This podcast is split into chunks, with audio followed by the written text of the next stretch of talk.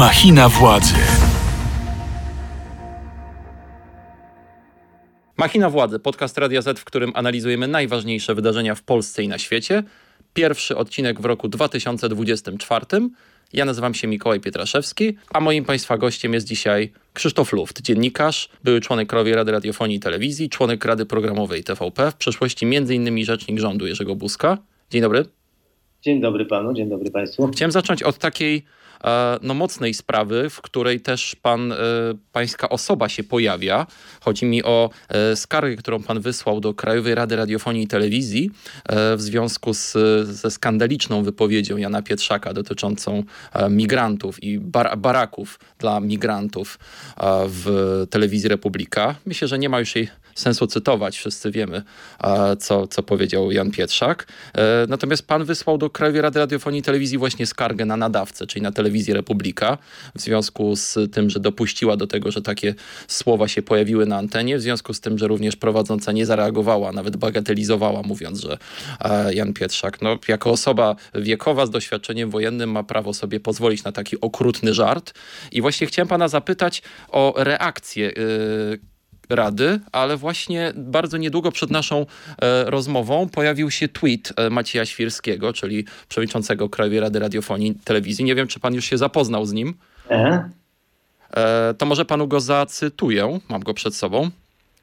No zaraz go znajdę. Tak, no proszę bardzo. Proszę Wydałem polecenie rozpoczęcia postępowania sprawdzającego w kwestii audycji telewizji Republika, w której występował pan Jan Pietrzak.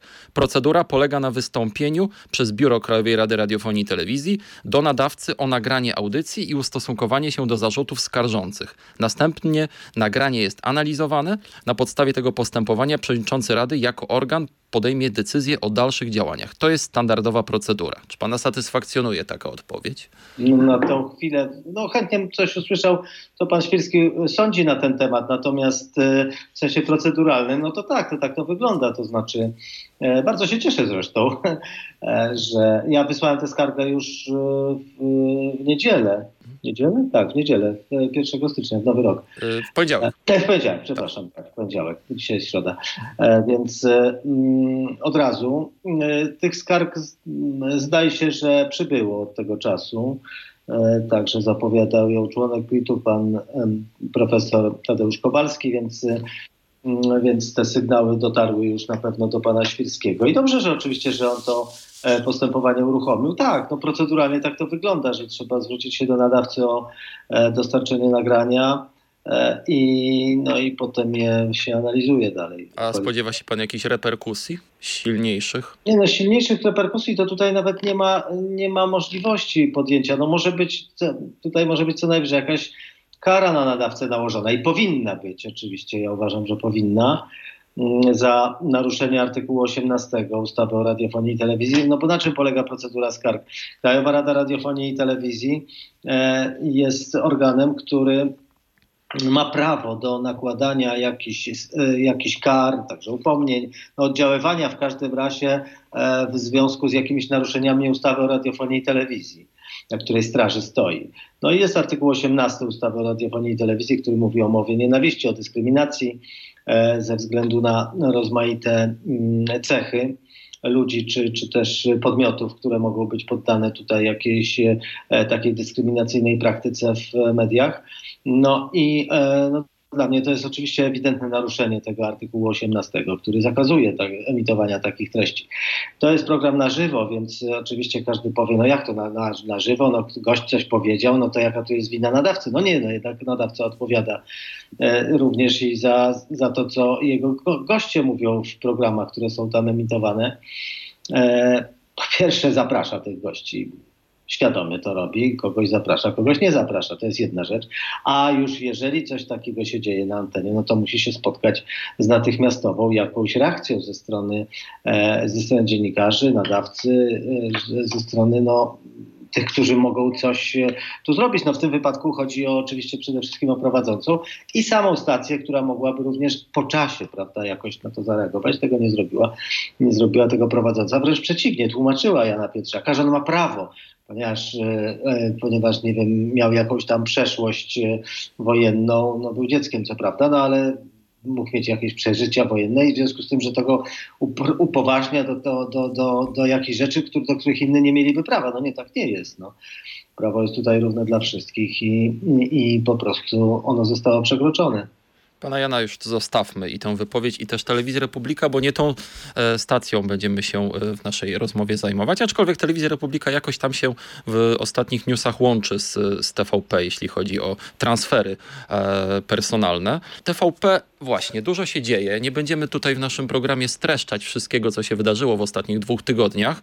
E, zatrzymajmy się może na e, ostatniej decyzji ministra kultury Bartłomieja Sienkiewicza, odpowiedzialnego za nadzór nad mediami. Chodzi o postawienie e, w stan likwidacji spółek Telewizja Polska S.A., Polskie Radio S.A. i Polska Agencja Prasowa e, S.A. To reakcja na weto prezydenta Andrzeja Dudy do ustawy okołobudżetowej, w której znalazły się e, środki na media publiczne. Jak napisał, jak głosi komunikat na stronach Ministerstwa Kultury, w obecnej sytuacji takie działanie pozwoli na zabezpieczenie dalszego funkcjonowania tych spółek przeprowadzenia w nich koniecznej restrukturyzacji oraz niedopuszczenia do zwolnień zatrudnionych w wyżej wymienionych spółkach pracowników z powodu braku finansowania. Stan likwidacji może być cofnięty w dowolnym momencie przez właściciela. Stan likwidacji brzmi dość tak apokaliptycznie, a więc y, pana jako tutaj eksperta też dla naszych słuchaczy i widzów chciałbym, żeby pan tak w paru słowach wytłumaczył, co tak naprawdę ten stan likwidacji oznacza dla funkcjonowania w tym momencie tych spółek i mediów.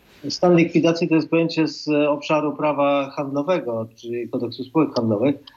Mm, I, na który no, to, Tylko przypomnijmy, na który to kodeks spółek handlowych we wcześniejszych swoich decyzjach personalnych dotyczących odwołania e, rad nadzorczych i zarządów też minister Sienkiewicz się powoływał. Tak, ale to troszkę w innym kontekście. Tak, tak, ale to tylko tak kontekstualnie. takim permanentnym naruszeniem prawa, w których funkcjonowały te media publiczne i wszystkie te spółki, e, co miało polegać na dwóch sprawach, e, na dwóch, e, na, w dwóch obszarach. Jeden to kwestia taka, że kierujący tymi spółkami, osoby, które tam były powoływane, były powoływane na mocy prawa, które było no, niezgodne z konstytucją, a więc no, bezprawnie były tam, powiedzmy, w jakiś sposób można to było tak określić władza miała 7 lat na to, żeby te przepisy E, które zostały zakwestionowane przez Trybunał Konstytucyjny w roku 2016, dostosować do, do, do, do tych wymagań konstytucyjnych. Nie zrobili tego. No i cały czas funkcjonowaliśmy w takim permanentnym stanie bezprawnego kierowania e, tymi spółkami przez osoby powoływane tam na mocy no, bezprawnych przepisów mm, e, niezgodnych z konstytucją.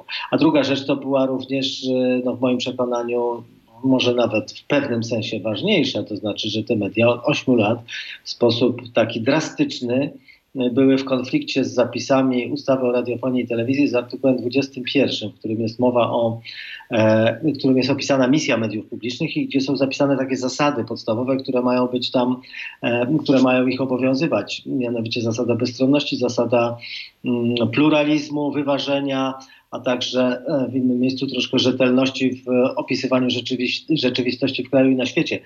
Te zasady były łamane i to w sposób drastyczny i to nie jest tylko moja opinia. A tu się pewnie zgodzimy tak dość powszechnie. Ja wiem, ale to jest, chcę powiedzieć, że to jest również opinia e, samych rządzących którzy wielokrotnie podkreślali, że to bardzo dobrze, że te media są takie troszkę przechylone, tak to eufemistycznie nazywano, przechylone w stronę tej prawicy, w stronę władzy, bo inne media są jej przeciwne, w związku z tym jest taka równowaga dzięki temu. O, o tym, też mówił, bardzo... o tym też mówił y, Mariusz Błaszczak, y, tutaj ostatni gość Baty Lubeckiej w gościu Radio no Z, który mówił, że to dlatego, że jest niedobór mediów konserwatywnych, co nie jest tak do końca prawdą, no bo tych mediów konserwatywnych trochę jest, bo jest Telewizja Republika, e, media bracia braci Karnowskich, więc to jakby... To jest inna sprawa. Ja oczywiście się z tym poglądem nie zgadzam, ale bez, nie, to nie jest istotne. Istotne jest to innego. Istotne jest to, że e, oni nie zmienili przepisów ustawowych, które właśnie nakazują e, stosowanie tych zasad pluralizmu, bezstronności, wyważenia, rzetelności. E, oni ich nie, nie usunęli z ustawy, ale jednocześnie mówili, że oni tych zasad nie zachowują i że to jest dobrze. No więc, no, przepraszam bardzo, no to znaczy to jest przyznanie permanentnego takiego naruszania e, przepisów ustawy i to dosyć zasadniczych, kluczowych, jeśli chodzi o media publiczne. No dobra, to mamy za sobą ten pierwszy etap, prawda?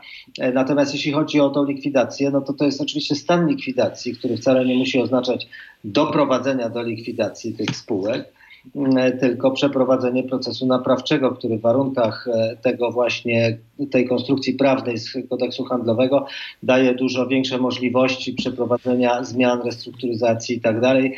E, nie chcę tutaj się wypowiadać nadmiernie, bo to nie jest dziedzina, na której się znam. Wiem tylko tyle, że zarówno ustawa o radiofonii i telewizji, jak i statut, e, statuty spółek przewidują taką możliwość postawienia stan likwidacji, a nawet likwidacji spółek. Słuchasz podcastu Radia Z. Właśnie pan w jednym z wywiadów, nawiązując do decyzji ministra Sienkiewicza, użył sformułowania radykalna restrukturyzacja, że to mogłoby na przykład tym skutkować.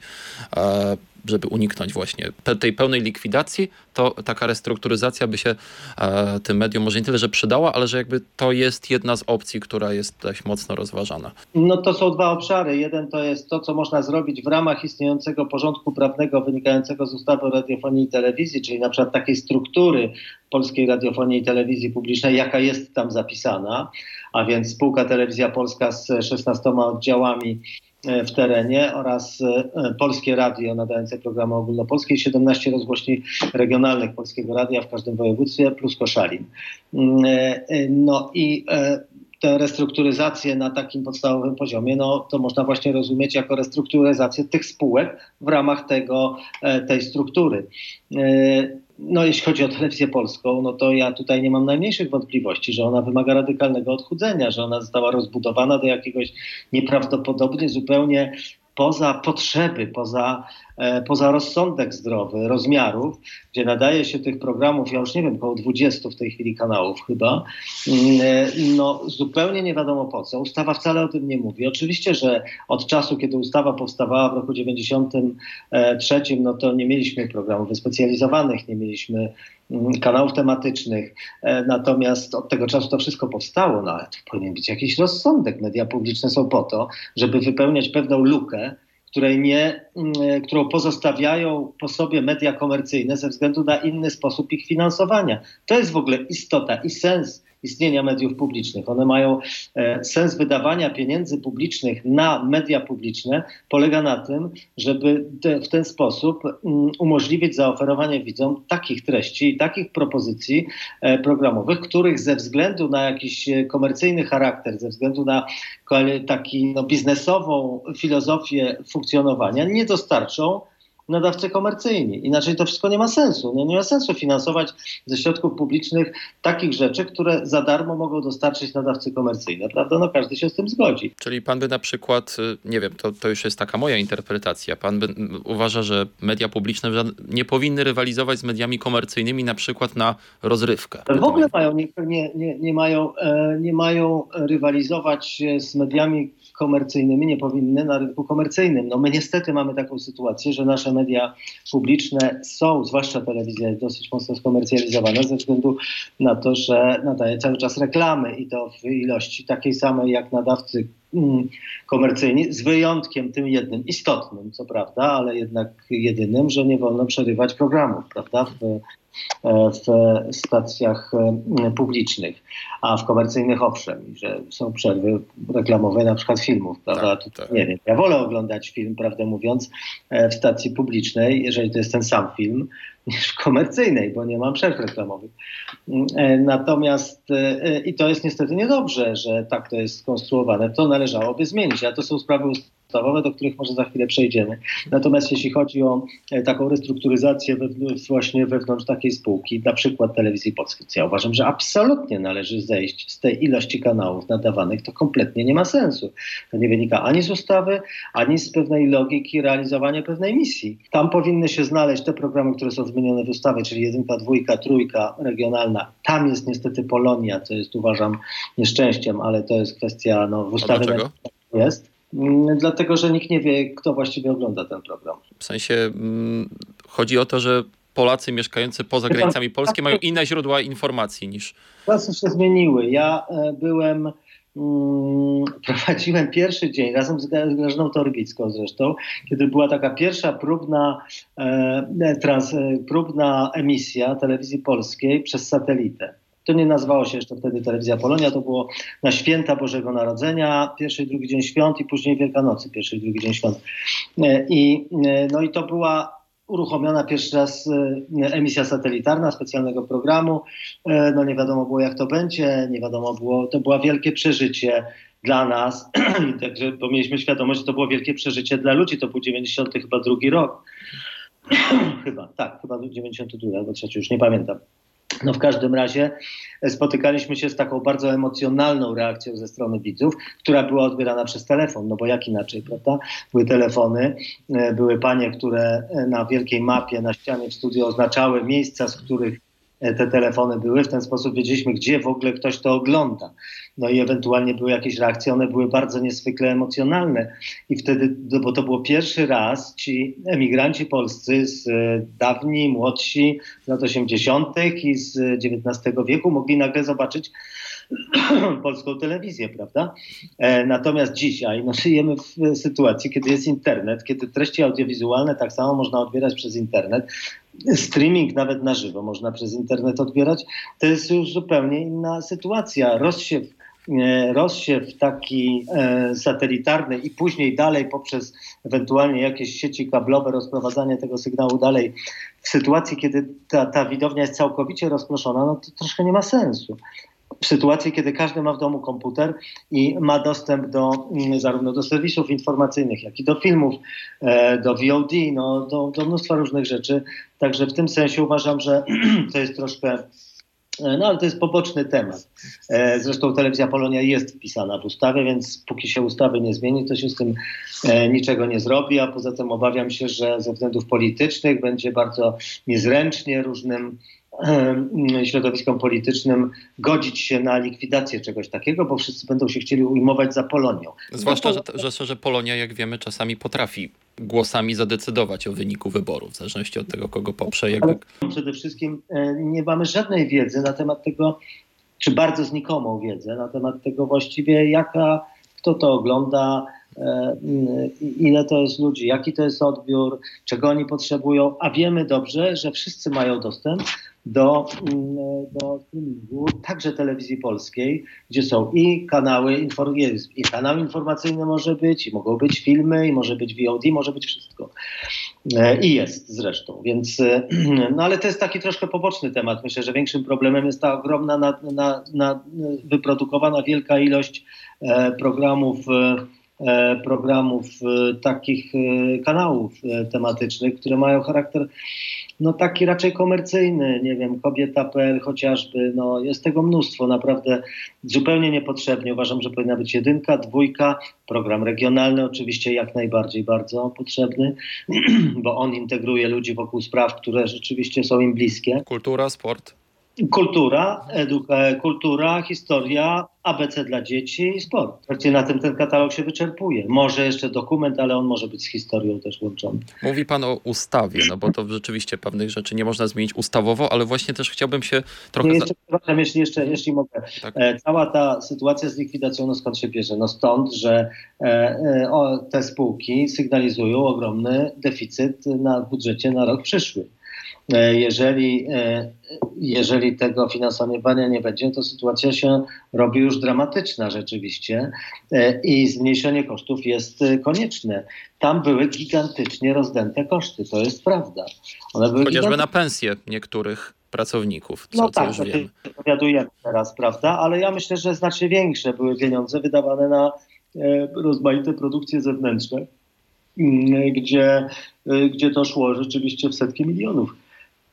Prawdę mówiąc, robienie Sylwestra mm, i, i, ściganie się, tak jak pan powiedział, ze stacjami komercyjnymi, kto więcej ludzi przyciągnie na tego Sylwestra, kto zrobi większego Sylwestra, większą imprezę sylwestrową i ściągnie tam więcej gwiazd, gwiazdeczek e, różnej, różnej jakości, ale za to bardzo drogo to wszystko wychodzi, to kompletnie nie ma sensu. No niech to robią stacje komercyjne, a nie telewizja polska.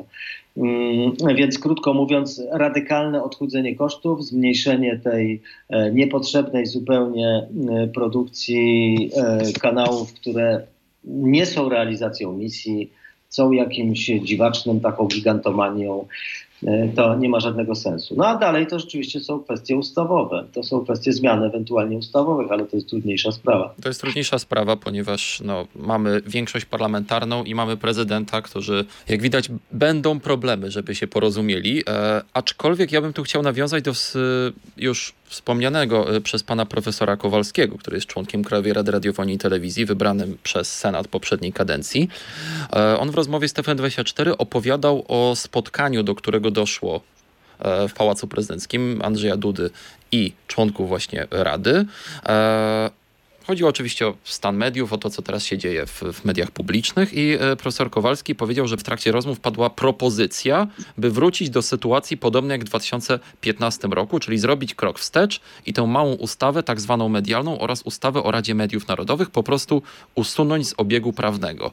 No bo oczywiście mamy teraz sytuację, w której istnieje Rada Mediów Narodowych, organ, który ma niekonstytucyjne kompetencje, przejęte od Krajowej Rady Radiofonii i Telewizji, na przykład wyznaczania e, rad nadzorczych spółek e, medialnych. Czy Pana zdaniem to dwa pytania od razu zadam. Pana zdaniem rzeczywiście to jest jakby konieczne, żeby uporządkować to na gruncie prawnym, a drugie pytanie jest takie, czy wyobraża pan sobie, że e, prezydent w ogóle zgodziłby się podpisać ustawę, która by na przykład likwidowała Radę Mediów Narodowych i przywracała właśnie taki idealistycznie pojmowany pluralizm w mediach publicznych. To nie przywraca idealistycznego pluralizmu w mediach publicznych, to jest tylko przeniesienie tych rzeczywiście przy, przy, przekazanie z powrotem Krajowej Radzie Radiofonii i Telewizji tych kompetencji, które miała przedtem i które wynikają z Konstytucji, co stwierdził Trybunał Konstytucyjny.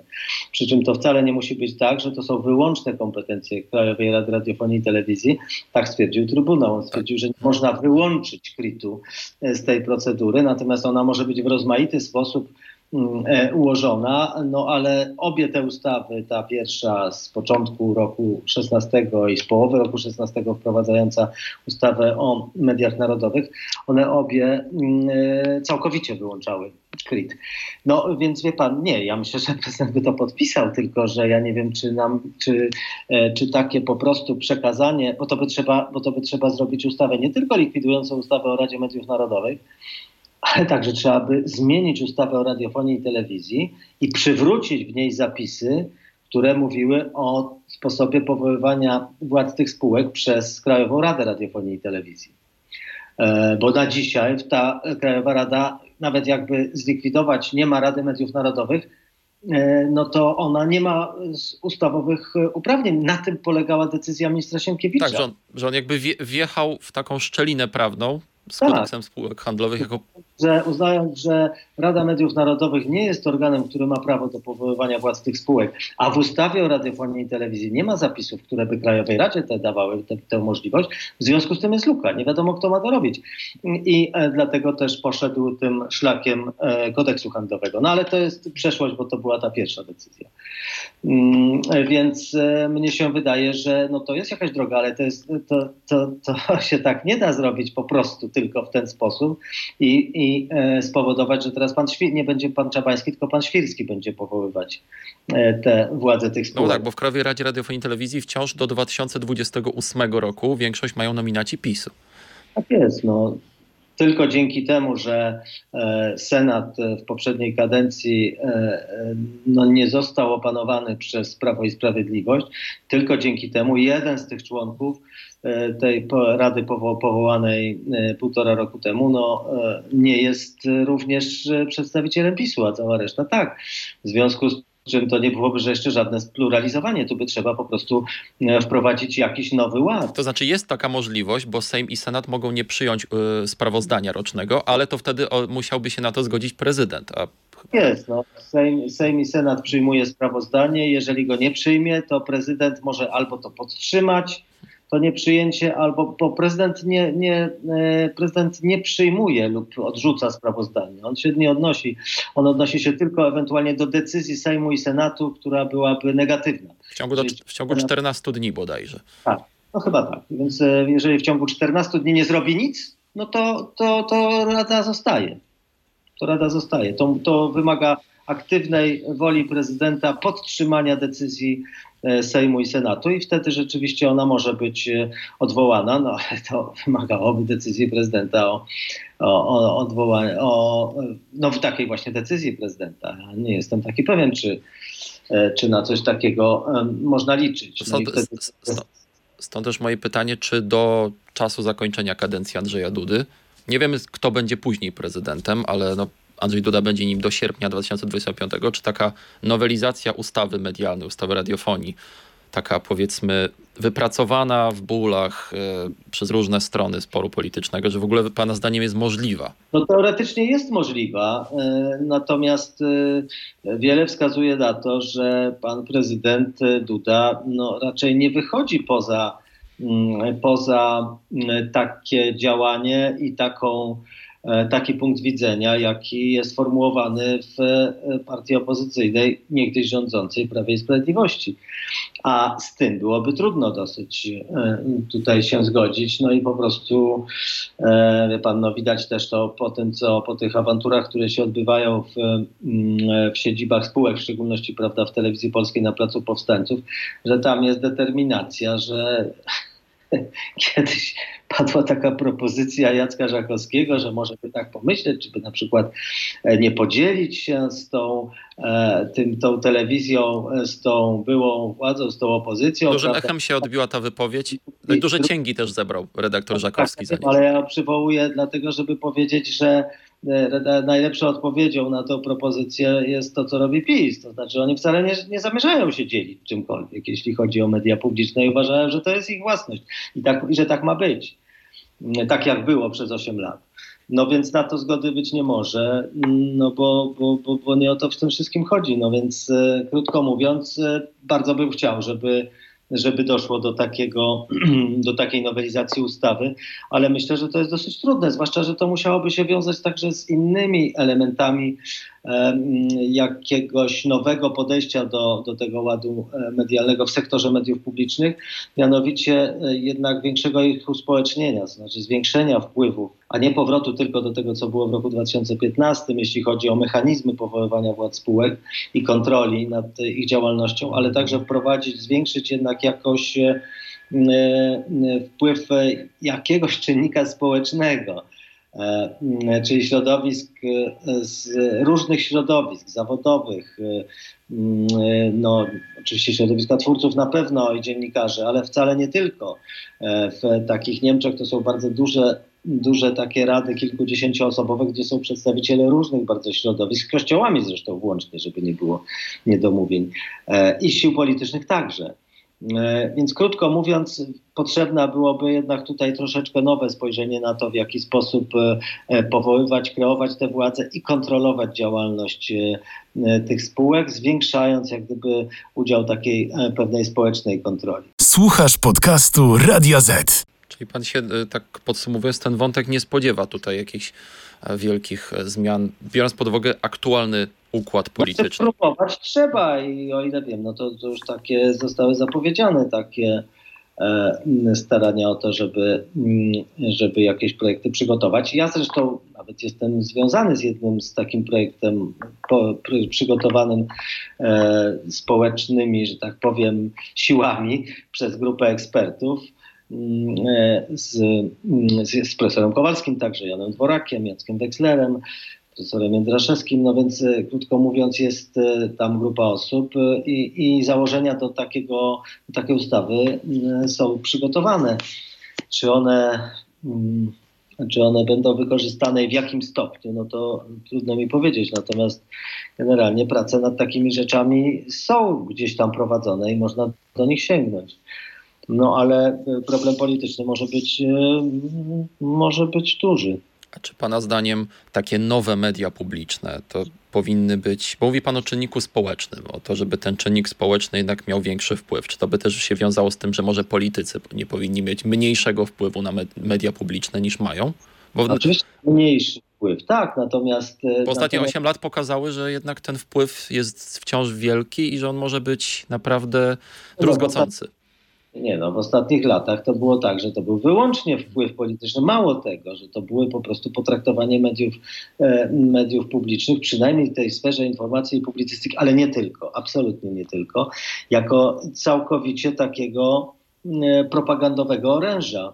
E, I to bardzo prymitywnego, niesamowicie agresywnego, e, zakłamującego rzeczywistość całkowicie. No naprawdę coś takiego, czego e, no, świat nie wiedział, cywilizowany świat demokracji europejskiej w każdym razie.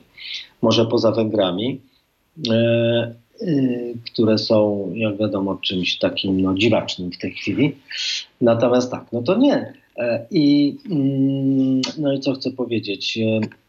W związku z tym, no i, i, i zgubiłem wątek. E, no, wpływ polityków. Wpływ polityków. Tak. no i, e, I w związku z tym oczywiście to była absolutna patologia. Natomiast ja przestrzegałbym przed takim oczekiwaniem, że w ogóle wyłączyć polity, świat polityki z udziału w jakimś e, tutaj, nie wiem, nadzorowaniu tego, tego całego sektora.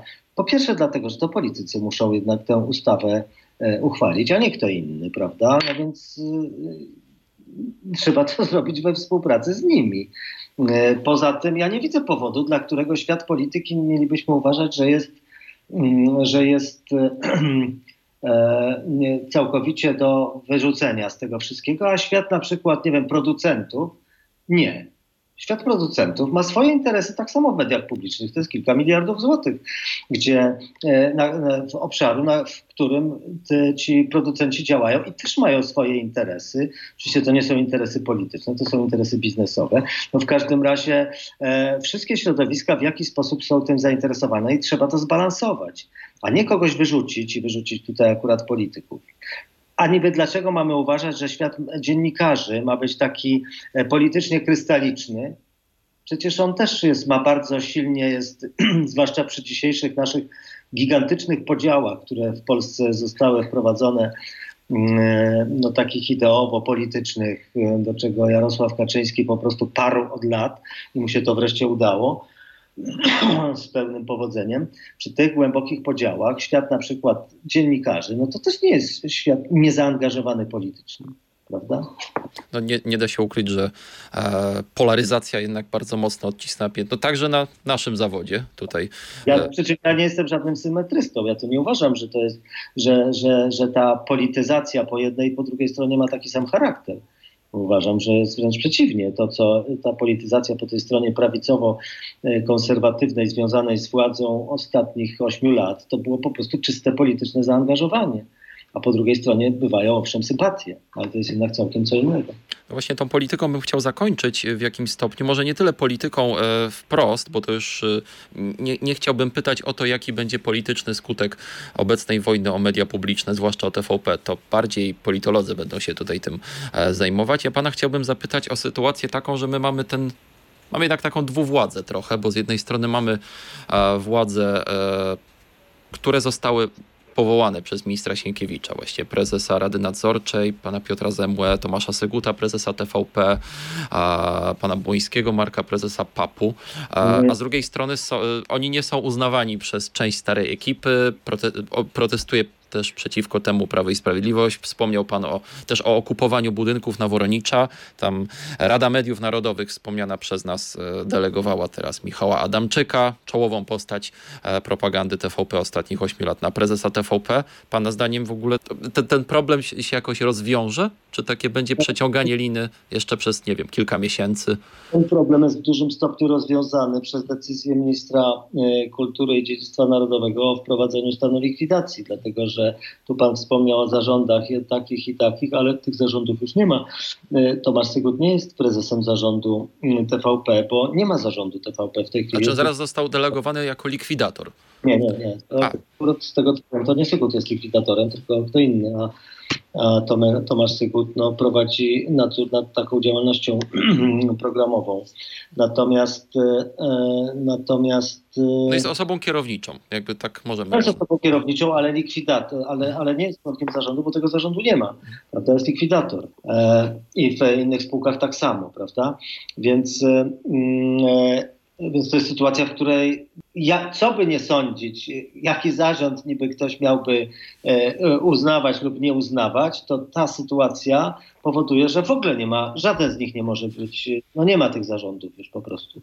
Tak, ale właśnie chciałem zapytać o sytuację, w której y, właśnie ta druga strona w ogóle nie uznaje tych decyzji i dla niej na przykład taki Michał Adamczyk wciąż jest, znaczy teraz jest szefem TVP. Stoi w oknie tak. e, i, e, niczym papież macha. Błogosławi, tak.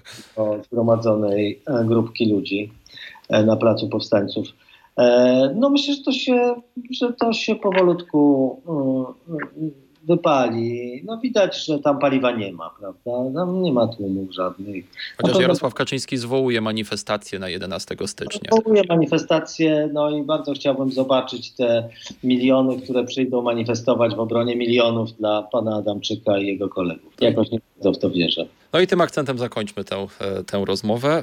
E, bardzo za nią dziękuję. Moim Państwa gościem był Krzysztof Luft, dziennikarz e, z dużym doświadczeniem, były członek Krajowej Rady Radiofonii i Telewizji, członek Rady Programowej TVP, a także w przeszłości m.in. rzecznik rządu Jerzego Buzka w latach 1999-2001. Bardzo Panu dziękuję, Panie Krzysztofie, za tę dziękuję rozmowę. Ja, ja, tymczasem zapraszam do tego, żebyście tę rozmowę oraz wszystkie inne, które dotychczas stworzyliśmy, odsłuchiwali na Spotify, na Apple Podcast, Google Podcast, na Playerze Radia Z, a także oglądali, słuchając na naszym kanale na YouTubie. Ta rozmowa e, również e, jest dla Was, a w przyszłym tygodniu spotkam się z Wami ja, Mikołaj Pietraszewski. Raz jeszcze dziękuję. Do usłyszenia. Machina władzy. Więcej podcastów na player radioz.pl